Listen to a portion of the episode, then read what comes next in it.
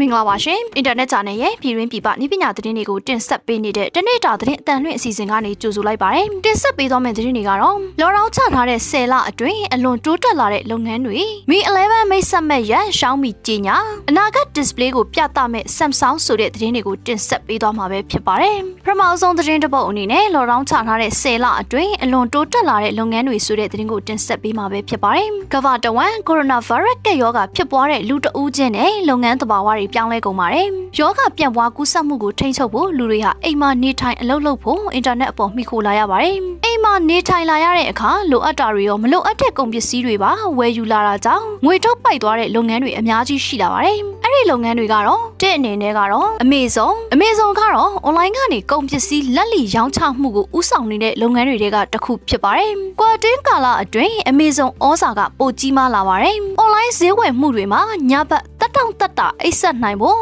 စောင်ဝယ်တာကနေစာအုပ်တွေဝယ်ယူတာတွေအထိလုပ်နိုင်ပါတယ်။ Amazon Prime လိုမျိုးလှုပ်ဆောင်ချက်ကလည်းအလွန်မြန်ဆန်ပြီးတော့ပစ္စည်းတွေဒီနေ့မှဒီနေ့ရောက်တာအထိပို့ပေးနိုင်ပါတယ်။နေ့အနေနဲ့ကတော့ TikTok မမျော်လင့်ပဲလော်ဒေါင်းကိစ္စကရောက်လာတဲ့အခါမှာလူတွေကကဘာလုံးဆိုင်ရာကျန်းမာရေးအကျက်တဲမှာပိတ်မိနေခဲ့ပါတယ်။လူတွေကစိတ်ကျဉ်ကျက်စရာကောင်းတဲ့အချိန်မှာပျော်ရွှင်မှုနဲ့ပျော်ပြမှုတွေလိုအပ်နေပါတယ်။ TikTok ကတော့လူငယ်ပရိသတ်တွေဗီဒီယိုအတိုလေးတွေဖန်တီးနေကြတဲ့ပျော်ရွှင်စရာ platform တစ်ခုဖြစ်နေပါပြီ။ကွယ်တွင်းမှာတော့ TikTok ဟာလူတွေအချင်းချင်းချိတ်ဆက်မဲ့နီလန်တစ်တွေကိုရှာဖွေပေးပြီးတော့အသုံးပြုသူတွေလည်းအလွန်တိုးလာပါတယ်။ TikTok ကိုတော့အသက်အရွယ်အပိုင်းအခြားအရာအနှဲငယ်ကြီးတဲ့သူတွေလည်းအသုံးပြုလာကြပါတယ်။ TikTok ရေပန်းဆောင်မှု Instagram လိုမျိုးဝန်ဆောင်မှုကဗီဒီယိုအတိုဖန်တီးမဲ့ feature ကိုထည့်သွင်းတဲ့အထိဖိအားပေးနိုင်ခဲ့ပါတယ်။နံပါတ်3အနေနဲ့ Zoom ကုမ္ပဏီအများစုကရုံးမှာအစည်းအဝေးလုပ်တာတွေရပ်တန့်သွားပါတယ်။နေအိမ်မှာနေတဲ့အစီအစဉ်ကြောင့်အဖွဲ့လိုက်အလုပ်အကင်နဲ့ချိတ်ဆက်မှုကလည်းပုံမခက်ခဲလာခဲ့ပါတယ်။ Zoom ဆိုတာက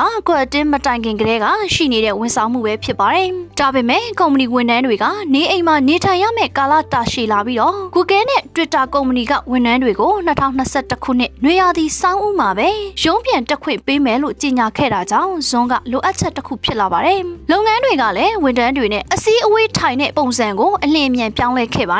လုပ်ငန်းအများစုကတော့ virtual ကနေအစည်းအဝေးလုပ်ကြပြီးတော့အဖွဲ့တွေစီစိတ်ကူးကိုတင်ပြကြပါတယ်။ Zoom Store ကတော့ lockdown ကာလအတွင်းအလွန်မြင့်လာပါတယ်။ကု မ္ပဏီတွေကလည်းလာမယ့်နှစ်မှာ Zoom ကိုဆက်လက်အသုံးပြုလာကြပါအောင်မယ်။နံပါတ်၄အနေနဲ့ Glass House Creative မှာ Glass House ဟာအကျိုးမြတ်ဖြစ်ထွန်းလာတဲ့ platform အသစ်ဖြစ်ပါတယ်။ Glass House ကတော့အိမ်မှာပဲနိုင်ပေါင်းများစွာအချိန်ဖြုံးနေရတဲ့လူတွေကိုချိတ်ဆက်မှုနဲ့စကားပြောဆိုမှုတွေကိုတွန်းအားပေးပါတယ်။အဲ့ဒီ platform ကိုတော့ဤပညာမှာစတင်အသုံးပြုခဲ့ကြပြီးတော့ဂီတနဲ့ဖျော်ဖြေရေးလောကဩဇာလွှမ်းမိုးနိုင်သူတွေအနှဲငယ်အပေါ်စတင်မိတ်ဆက်အပြီးရေပန်းစားလာပါတယ်။ Glove House ကတော့ invite လုံးမှာပဲအသုံးပြုနိုင်တဲ့ app ဖြစ်ပါတယ်။ Glove House ကိုတော့တကမ္ဘာလုံးကလူတန်းပေါင်းများစွာအသုံးပြုနေကြပါတယ်။နံပါတ်5အနေနဲ့ Drift Drift ကတော့ game လောကတွေကအကြီးဆုံးဖြစ်ခဲ့မှုပါတယ်။ Quarantine ကာလနောက်ပိုင်းမှာတော့ Drift ဟာဖျော်ဖြေရေးနဲ့ game လောကအထိပါသိမ့်ပိုက်နိုင်ခဲ့ပါတယ်။ကက်ယောဂဖြစ်ပွားတဲ့အခါအလုံးမရှိတော့တဲ့ DJ တွေက Drift ကိုပုံမအသုံးပြုကြပါတယ်။ Drift မှာဓာတ်ရိုက်ထုတ်လွှင့်ပြီးတော့စကားပြောတာနဲ့ဖျော်ဖြေရေးလုပ်နိုင်ပြီးတော့ပြိ သက်များလာတာနဲ့ငွေကြေးများစွာရရှိနိုင်ပါတယ်။နံပါတ်6အနေနဲ့ကတော့အစားအသောက်ပို့တဲ့ဝန်ဆောင်မှုပဲဖြစ်ပါတယ်။ကွာတင်းမှာ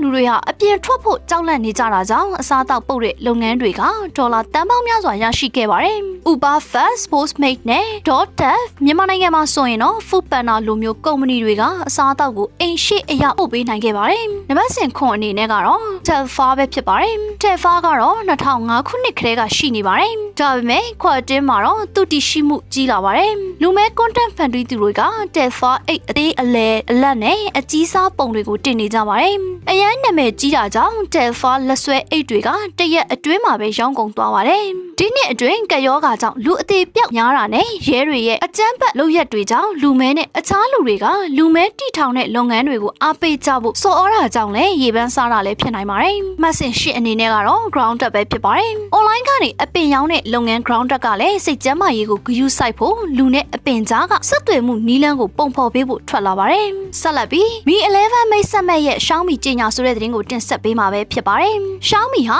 Mi 11 series အတွက်မိတ်ဆက်မဲလို့ကြေညာခဲ့ပါတယ်။ Mi 11 series မှာတော့ Snapdragon 888 processor ပါဝင်ပြီးတော့ဒီဇင်ဘာလ28ရက်မှာရောင်းချမယ်လို့ထုတ်ပြန်ခဲ့ပါတယ်။ Xiaomi ကတရုတ်လူမှုကွန်ရက် Weibo ကနေ Mi 11မိတ်ဆက်မဲ့ရဲ့ထုတ်ပြန်သွားပါတယ်။ဖုန်းသစ်မိတ်ဆက်ပွဲကိုတော့တရုတ်ပြည်မှာပြုလုပ်ပြီးတော့ဒေတာတွင်စံတော်ချိန်ညနေ9နာရီခွဲမနက်6နာရီခွဲအရှိပိုင်းအချိန်မှာပြုလုပ်သွားပါမယ်။ Xiaomi ဟာ Mi 11ကိုတော့တစ်ကမ္ဘာလုံးအတွက်ဘယ်အချိန်မိတ်ဆက်မလဲဆိုတာမထုတ်ပြန်ထားပါဘူး။ဒါပေမဲ့2021ခုနှစ်ဇန်နဝါရီလမတိုင်မီတရုတ်ပြည်ပြည်ပမှာမိတ်ဆက်နိုင်တယ်လို့ Mi 11နဲ့ Mi 11 Pro model တွေကိုမိတ်ဆက်နိုင်ပါတယ်။နောက်ဆုံးသတင်းတစ်ပုဒ်အနေနဲ့အနာဂတ် display ကိုပြသမဲ့ Samsung ဆိုတဲ့သတင်းကိုတင်ဆက်ပေးမှာပဲဖြစ်ပါတယ်။ Samsung ဟာနှစ်သစ်မှာ TV တွေအခြားမျက်နှာပြင်ကြီးတွေနဲ့စတင်မိတ်ဆက်လေးရှိပါတယ်။အခုဆိုရင်လည်း Samsung ဟာဇန်နဝါရီလ6ရက်အရှေ့ပိုင်းအချိန်နနက်7:00နာရီမှာ First Low 2021အမီရပွဲမှာအနာဂတ် display ကိုမိတ်ဆက်မယ်လို့ကြေညာပြုထားပါတယ်။ဓာတ်ရိုက်ထုတ်လွှင့်မှုကို Samsung website မှာကြည့်နိုင်ပါတယ်။အသေးစိတ်အချက်လက်တွေကတော့မသိရသေးပေမဲ့မိတ်ဆက်ထားတဲ့ဓာတ်ပုံအရ